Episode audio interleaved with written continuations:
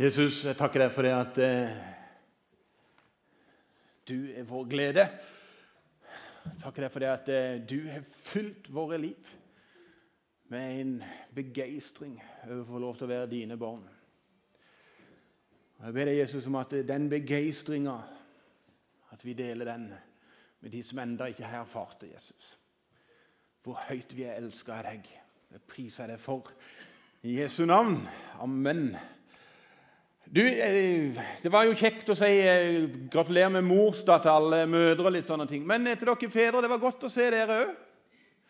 Dere mannfolk, godt å se hver eneste en. Og så tror jeg vi skal fortsette å ha en eh, god eh, gudstjeneste sammen. Eh, det håper jeg iallfall. Eh, i, I uka som er gått, så har jeg fått noen sånne eh, meldinger med jevne mellomrom. Eh, og, og, Av og til har det vært ganske, det er flere som har sendt meg samme meldinger. Og En av de meldingene jeg har fått, den, he, den høres sånn ut som denne her. Dersom du vel og ikke gleder deg over snøen, vil du ha mindre glede i livet med samme mengde snø. Jo, takk for det, tenkte jeg. Det var koselig. Eh, jeg synes kanskje Den som jeg gleder meg mest over, det var eh, noen som sendte meg et bilde som eh, å, Hjelp meg i hakk der nede. Jeg er ikke på. Der. Snødumping forbudt. Gjelder ikke Vår Herre. Og Så la de til under den eh, tittelen der, så skrev de Men hadde det skiltet stått i hagen din, Tore, så hadde det stått 'Gjelder også Vår Herre'. Sjøl kommer jeg til å glede meg over han som jeg nevnte sist, som stoppa mens jeg sto og måkte. Problemet var at Sist søndag hadde jeg glemt å lage med et bilde. For sånn så jeg ut. Idet en eller annen vilt fremmed kar eh, kom kjørende med bil eh, En av våre nye landsmenn og så rulla han ned vinduet og så sa han, du, du, du, det er bare å begynne å glede seg. Om fem måneder er det sommer. Ja da, tenkte jeg.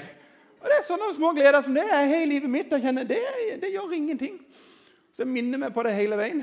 Og så skal vi ikke bare glede oss til sommeren, vi skal glede oss over dagen i dag. Uansett vær, om det er mye eller lite snø, eller om det regner eller glatt, eller hva det er for noe. Så det er i dag vi er her. Og så er vi midt i en eh, taleserie som vi har valgt å kalle det for Lik og del. Eh, og Det er jo henta litt sånn fra sosiale medier. De fleste av dere er innom et eller annet sosialt medie, og der ser vi dette her med at eh, vi skal like noe, og vi skal dele noe. Og så er det jo ofte sånn at det er enklere å like noe enn å tørre å våge å dele det videre. Og så har vi sagt at egentlig er ikke det så ulikt hvordan vi har det som kristne av og til. Det er så lett å like Jesus, men det å dele han videre med andre og snakke om tro, det sitter ofte litt sånn lenger inne, og det er litt sånn vanskeligere. Og Sist søndag så hadde vi en overskrift som vi kalte for en sånn oppvåkning, der vi snakket om at statistikken viser at ikke vi bare tror at vi er dårlige på det, men statistisk så viser det at vi er kjempedårlige. For det viser seg det at 60-90 eh, av de som vokser opp i en kristen hjem, forlater troa når de passerer 20 år.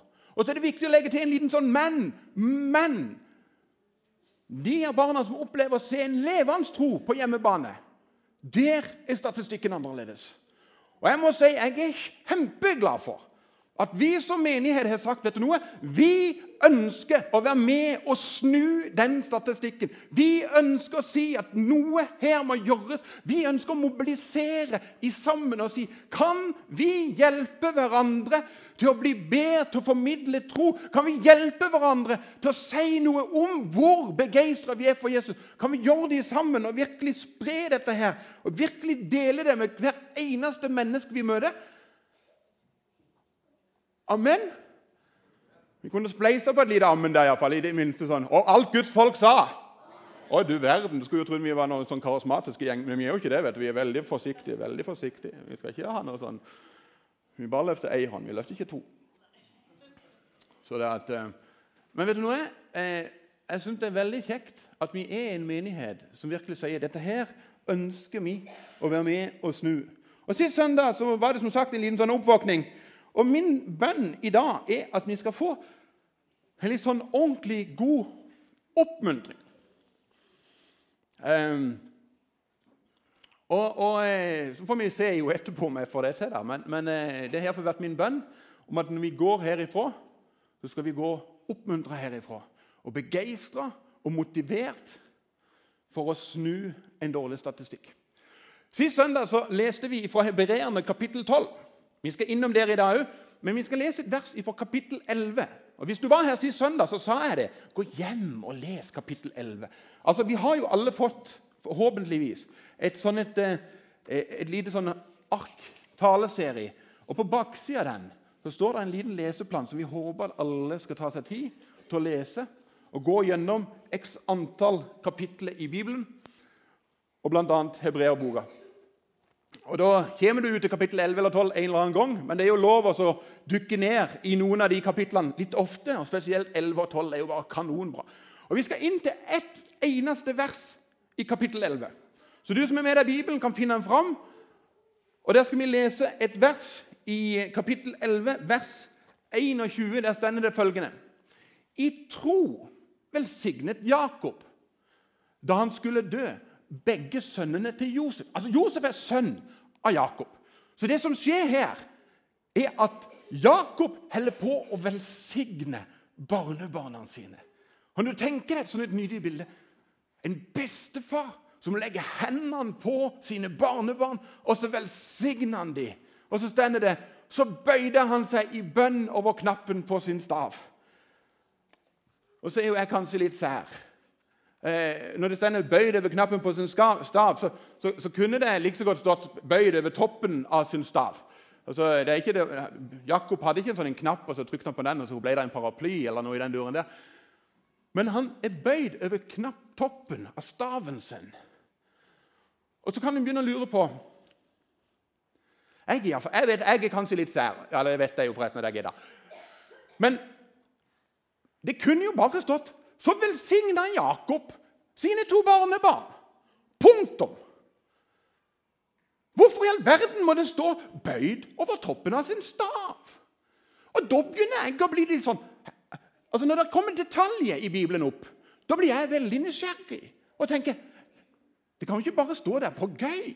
Det var vel ikke sånn at forfatteren som holdt på å skrive det, tenkte jeg må fylle på med noen flere ord her. Vi smører på på toppen av staven. sånn. Da begynner jeg å grave litt og bli litt sånn Her må det jo være et eller annet. For det er litt som når vi var små, så tegnte vi strektegninger. Og Etter hvert så begynte vi å lage litt skygger, så fikk vi litt dybde. Og Det, det er ofte sånne små detaljer i Bibelen som en ofte tenker det var det overflødig. Men hvis du begynner å dykke ned i noen av de detaljene, der, så er det litt sånn Wow! Er det derfor det står noe om der? For faktum er dette en stav i Gamle testamentet det var ikke bare en sånn hvilken som helst stokk som de bare fant. og så tenkte oi, der var en stokk, jeg tar den med meg da. Nei, nei, nei. En stav det var noe som fulgte deg hele livet gjennom. Det var din personlige stav. Og Etter hvert som dagene gikk, så lagde en gjerne noen sånne små merker i staven om hendelser som hadde skjedd. Det ble på en måte, Staven ble på en måte en dagbok eller en datidens blogg, hvis du vil si det. Altså, Historien din var skrevet inn i staven din. Dette var kjenslig sak.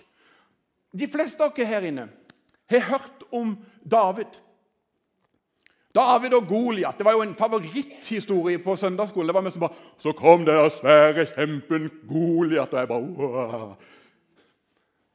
Men vet du hva det står? Vi husker jo at David kom i slynge. Men det står David hadde med seg sin stav. Når han var fant steiner i bekken, så står det Og David hadde med seg staven sin. Og vet du noe, Det tror ikke jeg var så dumt av David. For sannsynligvis for David sin stav, selv om han var ganske ung, så hadde han allerede rissa inn et par små symboler nedi der. Det er, litt, det, er, jo litt sånn som elgjegerne gjør. Vet du, De har skutt en eller annen elg, og så lager de det hakk i rifla si. Ja, det var i 1992. Da skjøt jeg en 17-tagger på 1,2 tonn. Plutselig så stender David der og så kikker han på staven sin og så ser han, der er det ei lita løve. Det stemmer, det. Jeg tok jo en løve en gang, med Guds hjelp. Og så er det et bilde av en bjørn, kanskje. Ja, ja, ja, det stemmer, det. Jeg tok jo en bjørn med Guds hjelp. Og nå går jeg igjen med Gud. Og Gud er med meg. Jeg skal møte en kjempe. Altså, han er jo så svær. Jeg kan jo umulig bomme på fyren. Og så går David med sin stav og sin slynge i møte med Goliat. En annen som hadde stav. Og dette synes jeg er litt sånn gøy. For dere som hører dette på podkast etterpå, så stusser dere litt nå. Det er dumt å ikke alltid være på gudstjenestene. Men Tove var innom her for å hente ungene til søndagsskolen. Og Tove og vi har ikke pratet sammen, men dette synes jeg er gøy, for Tove toucher noe av det jeg skal prate om. For en annen som hadde stav, det var Moses. Og Moses, som Tove sa Moses møter Gud. Der I en sånn samtale gjennom en brennende tårnebusk. Og så sier plutselig Gud til Moses legg ned staven. Og Det er nå folkens, at en begynner å skjønne hva staven i Gamle testamentet ofte var et symbol på. For når Gud sier 'legg ned staven din', Moses Det Gud like så godt kunne sagt 'Moses, ta legg ned ditt liv'. Legg ned hele livet ditt foran meg. Og så gjør Moses det. Og så blir denne staven til en slange. På mange måter så symboliserte det egentlig hvem, David, nei, hvem Moses faktisk var. For hvem var Moses egentlig? Han var en morder. Han var en morder. Det var jo grunnen til at han gikk rundt i ødemarka. Han, han hadde jo tatt livet av en egypter. Og så kommer det sanne fram i møte med lyset ifra Gud. Og Det er det som skjer når vi òg legger ned våre liv. Da får hans lys lov til å stråle på oss, sånn at vi blir sett sånn som vi faktisk er. Og Så skjer det utrolig at når Gud sier 'ta opp igjen' det som nå ser ut som en slange, ta det opp igjen, så blir det en mektig stav som et liv. Et nytt liv.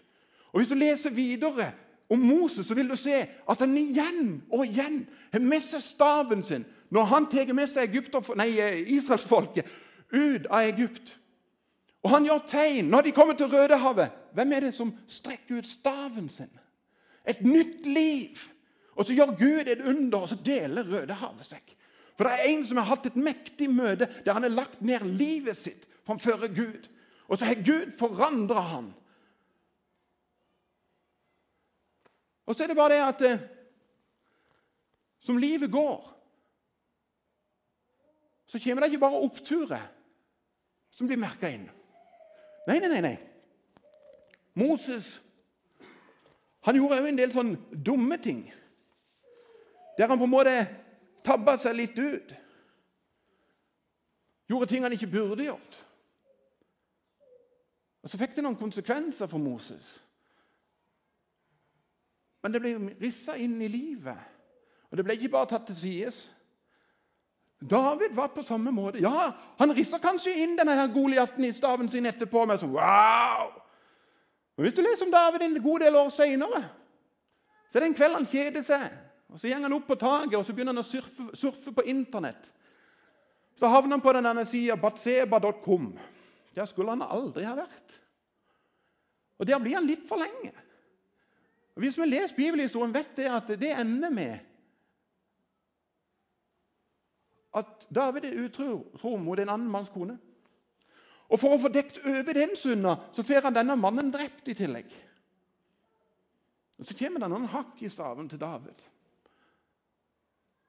Heldigvis. David blir avslørt, og så velger han å si i møte med Gud Så legger han ned livet sitt igjen. Og så sier han jeg trenger en ny start. En ny start med deg. Hva er dette her med Jakobs stav å gjøre? Bøyde over toppen av sin stav velsigner han Josef sine sønner. Hva slags liv var det med Jakob? Du kan skrive mye om Jakob, du kan si mye om Jakob. Han gjorde mye bra. Han hadde noen feite med Gud. Han virkelig sto på i sammen med Gud. Han var en trosformidler. Men eh, Jakob var òg en utrolig dårlig pappa. Hvis du av og føler deg dårlig som pappa, så kan du lese litt om Jakob, og så vil du kjenne deg litt igjen. Jakob han forskjellsbehandla sine barn. Han sørga for at eh, Josef ble gjort til favoritt. Og så var ikke de andre fullt så viktige. Og På mange måter så kan du nok skylde på Jakob for at Josef ble så dårlig likt av sine brødre at brødrene rett og slett solgte han til slave til Egypt. Og vet du noe? Da syns jeg det er fascinerende at Bibelen tar med en veldig liten detalj som ser ut som en liten detalj. Men når Jakob er bøyd over toppen av sin stav Når han velsigner sine barnebarn, så stender Jakob der og så sier han, 'Dette er livet mitt.' Det har vært med oppturer, og det har vært med nedturer. Men jeg vandrer sammen med Gud. Og jeg har måttet gå til Han igjen og igjen. Dette er livet mitt. Jeg legger ikke skjul på det. Jeg kunne jo på en måte bare tatt det vekk og tenkt at det er ikke så viktig. Nei, nei, Han symboliserer for sine barn og barnebarn. Når han velsigner sine barnebarn, og etterpå så kan du lese om at han velsigner sine sønner.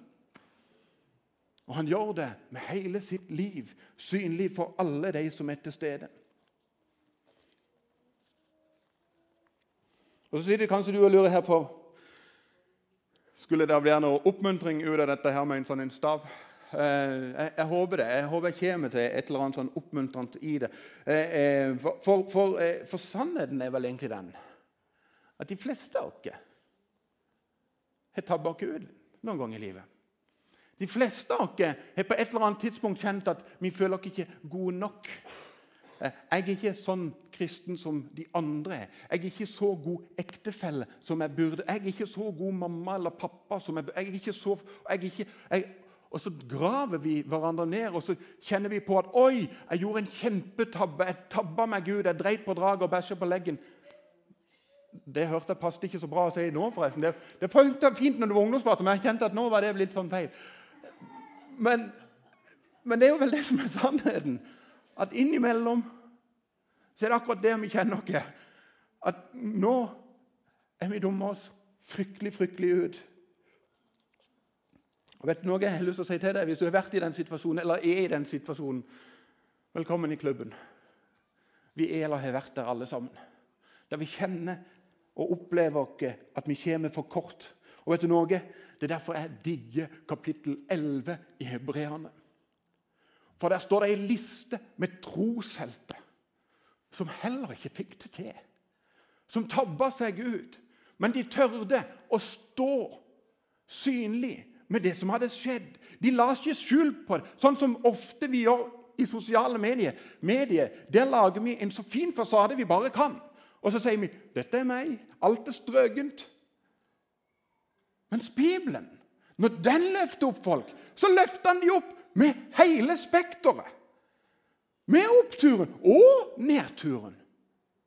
En kunne jo tenkt at denne Batseba.com-saken med David Trengte vi å skrive den? da? Liksom?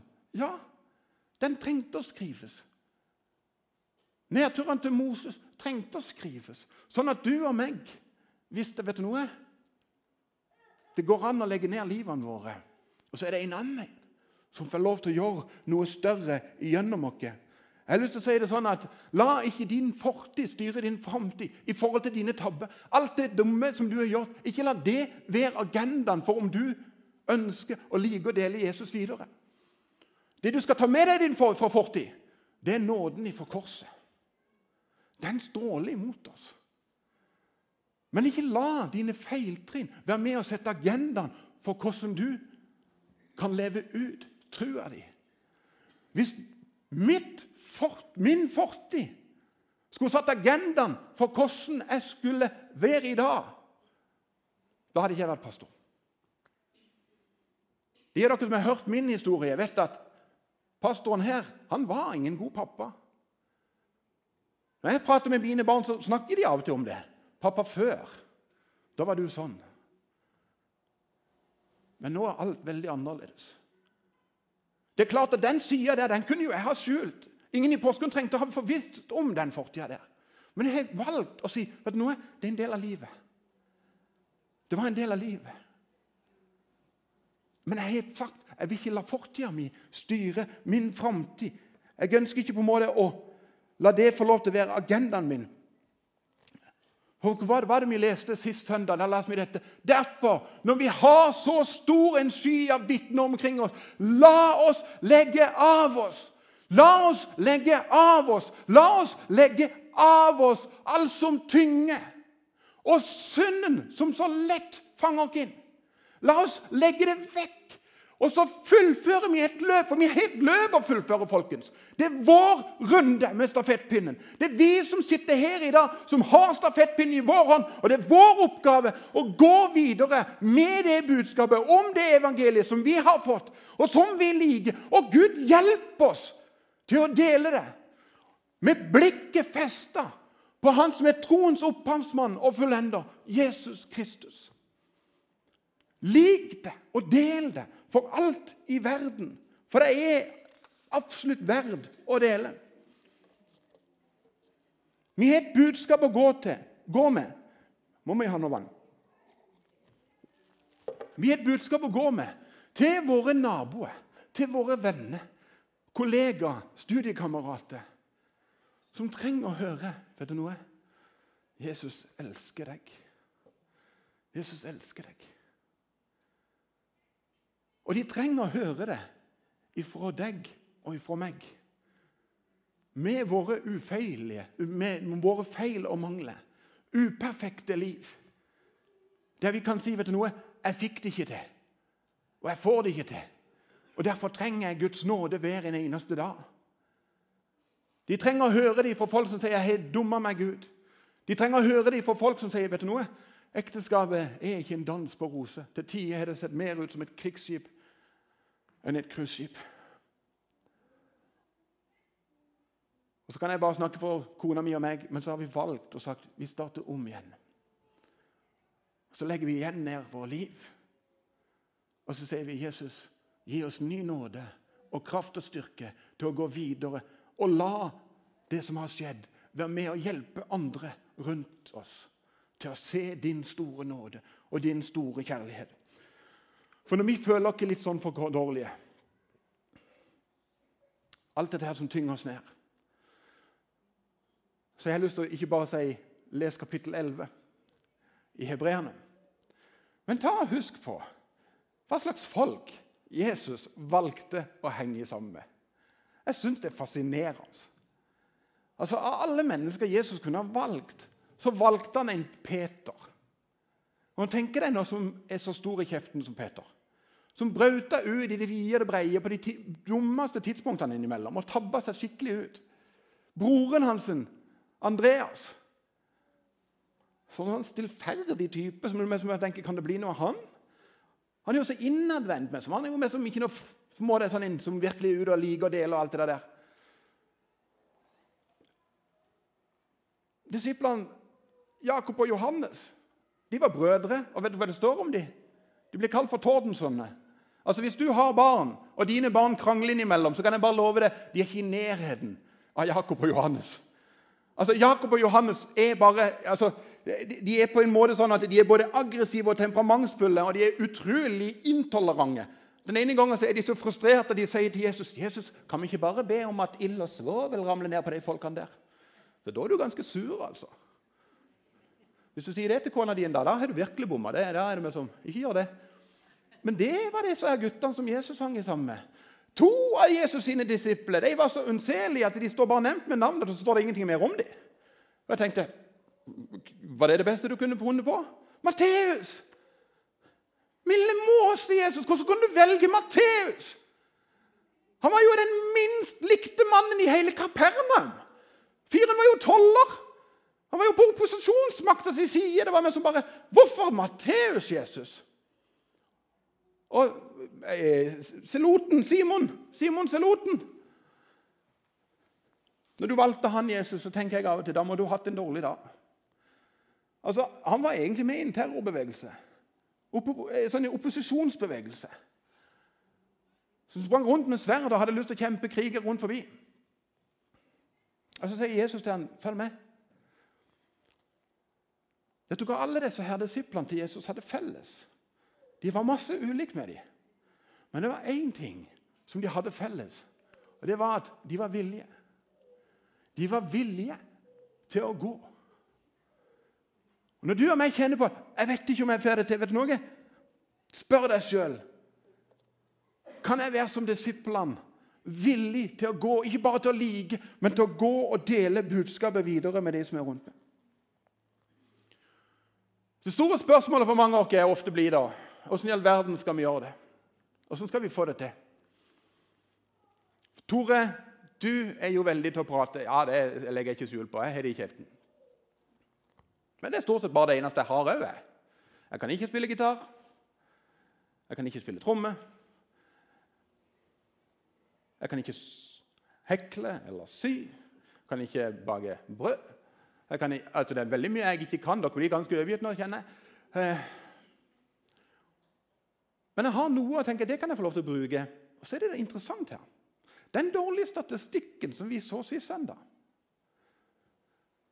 Det viser seg òg at det skal uendelig lite til for å snu den statistikken. Det er ikke de store tingene som skal til. Men det handler om at vanlige mennesker gjør en lite knepp i sitt liv. Faktisk, Senest i denne uka som var, så var jeg i en samtale med noen som er fra en helt annen menighet på en helt annen kant av landet. De opplevde for en del år tilbake sier at 90% akkurat sånn som statistikken sier, 90 forsvant ut av menigheten idet de bikka 19-20 år. Da var de borte, og de kom ikke tilbake igjen. Så gjorde de noen av de samme tingene som det vi gjør her nå. De satte disse tingene på agendaen og så sa de, vet du noe, denne statistikken må vi snu. Vi må hjelpe hverandre til å formidle tro til en ny generasjon.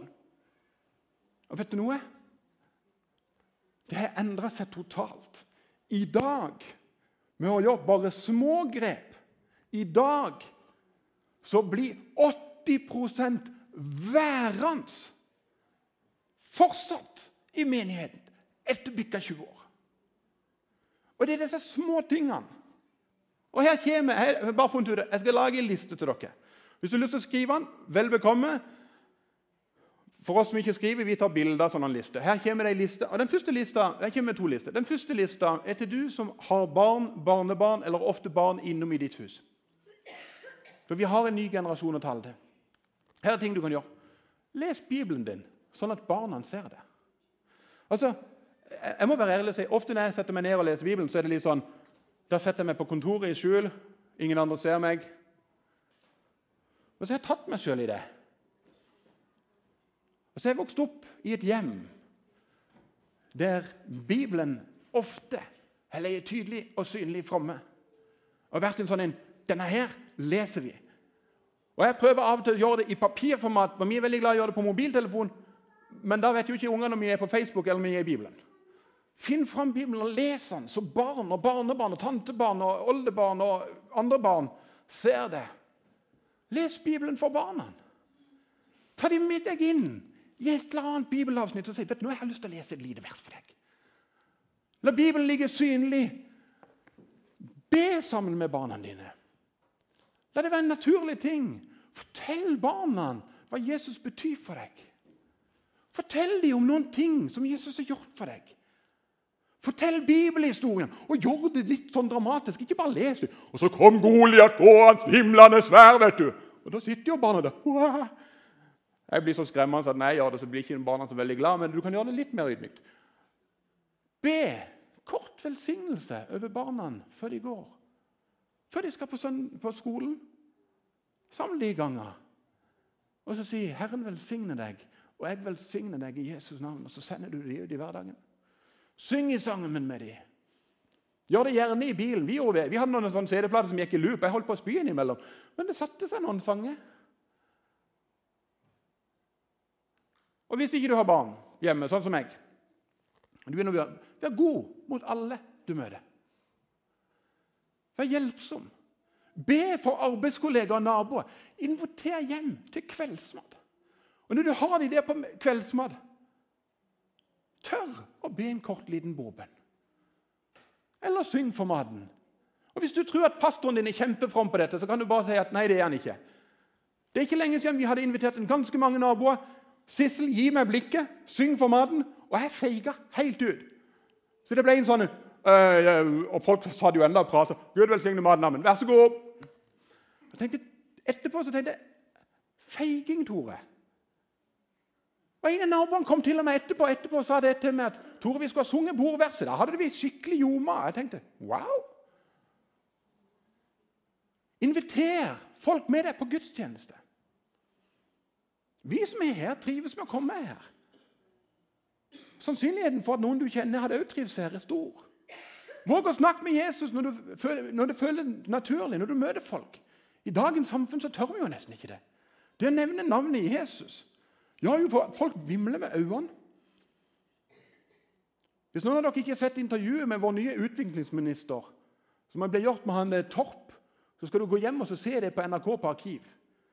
Og Idet utviklingsministeren begynner å prate om troa si, så sier han Jesus er den mest naturlige tingen for meg å prate om.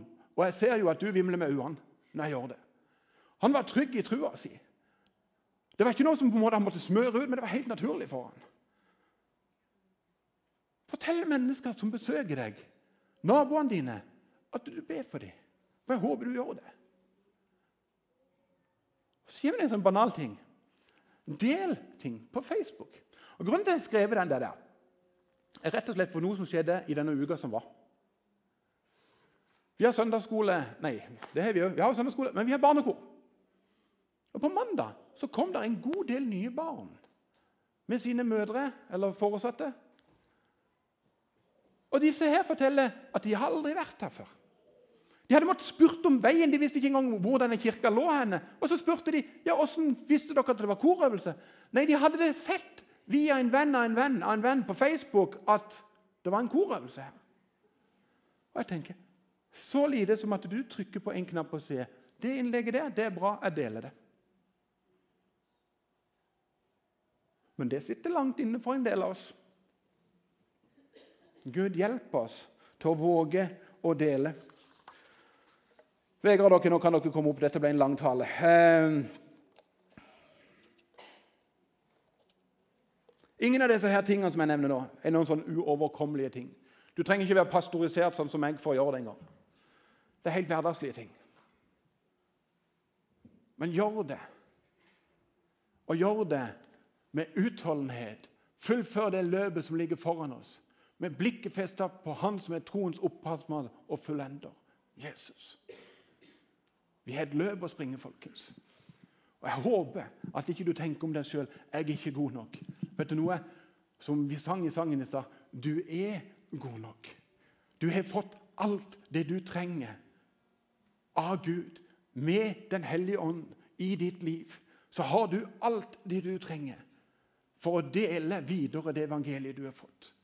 For den samme kraft, jeg har sagt det mange ganger, den samme kraften som reiste Kristus opp av graven Hvor bor den? Den bor i vårt indre med Den hellige ånd. Jesus, jeg takker deg for det at eh, du er frelst oss av bare nåde. Og Jeg ber deg, Jesus, om at du viser oss hvem vi er i deg, sånn at vi tør å dele. Sånn at vi ser vår identitet er i deg, Kristus. Sånn at vi ikke feiger ut, men hjelp oss til å stå rakrygga opp for ditt ord, for hva du har gjort for oss. Hjelp oss til å finne de små, enkle situasjonene der vi kan dele evangeliet videre med både de som er yngre enn oss, eldre enn oss, venner, naboer og kolleger. Det ber jeg om i Jesu navn. Amen.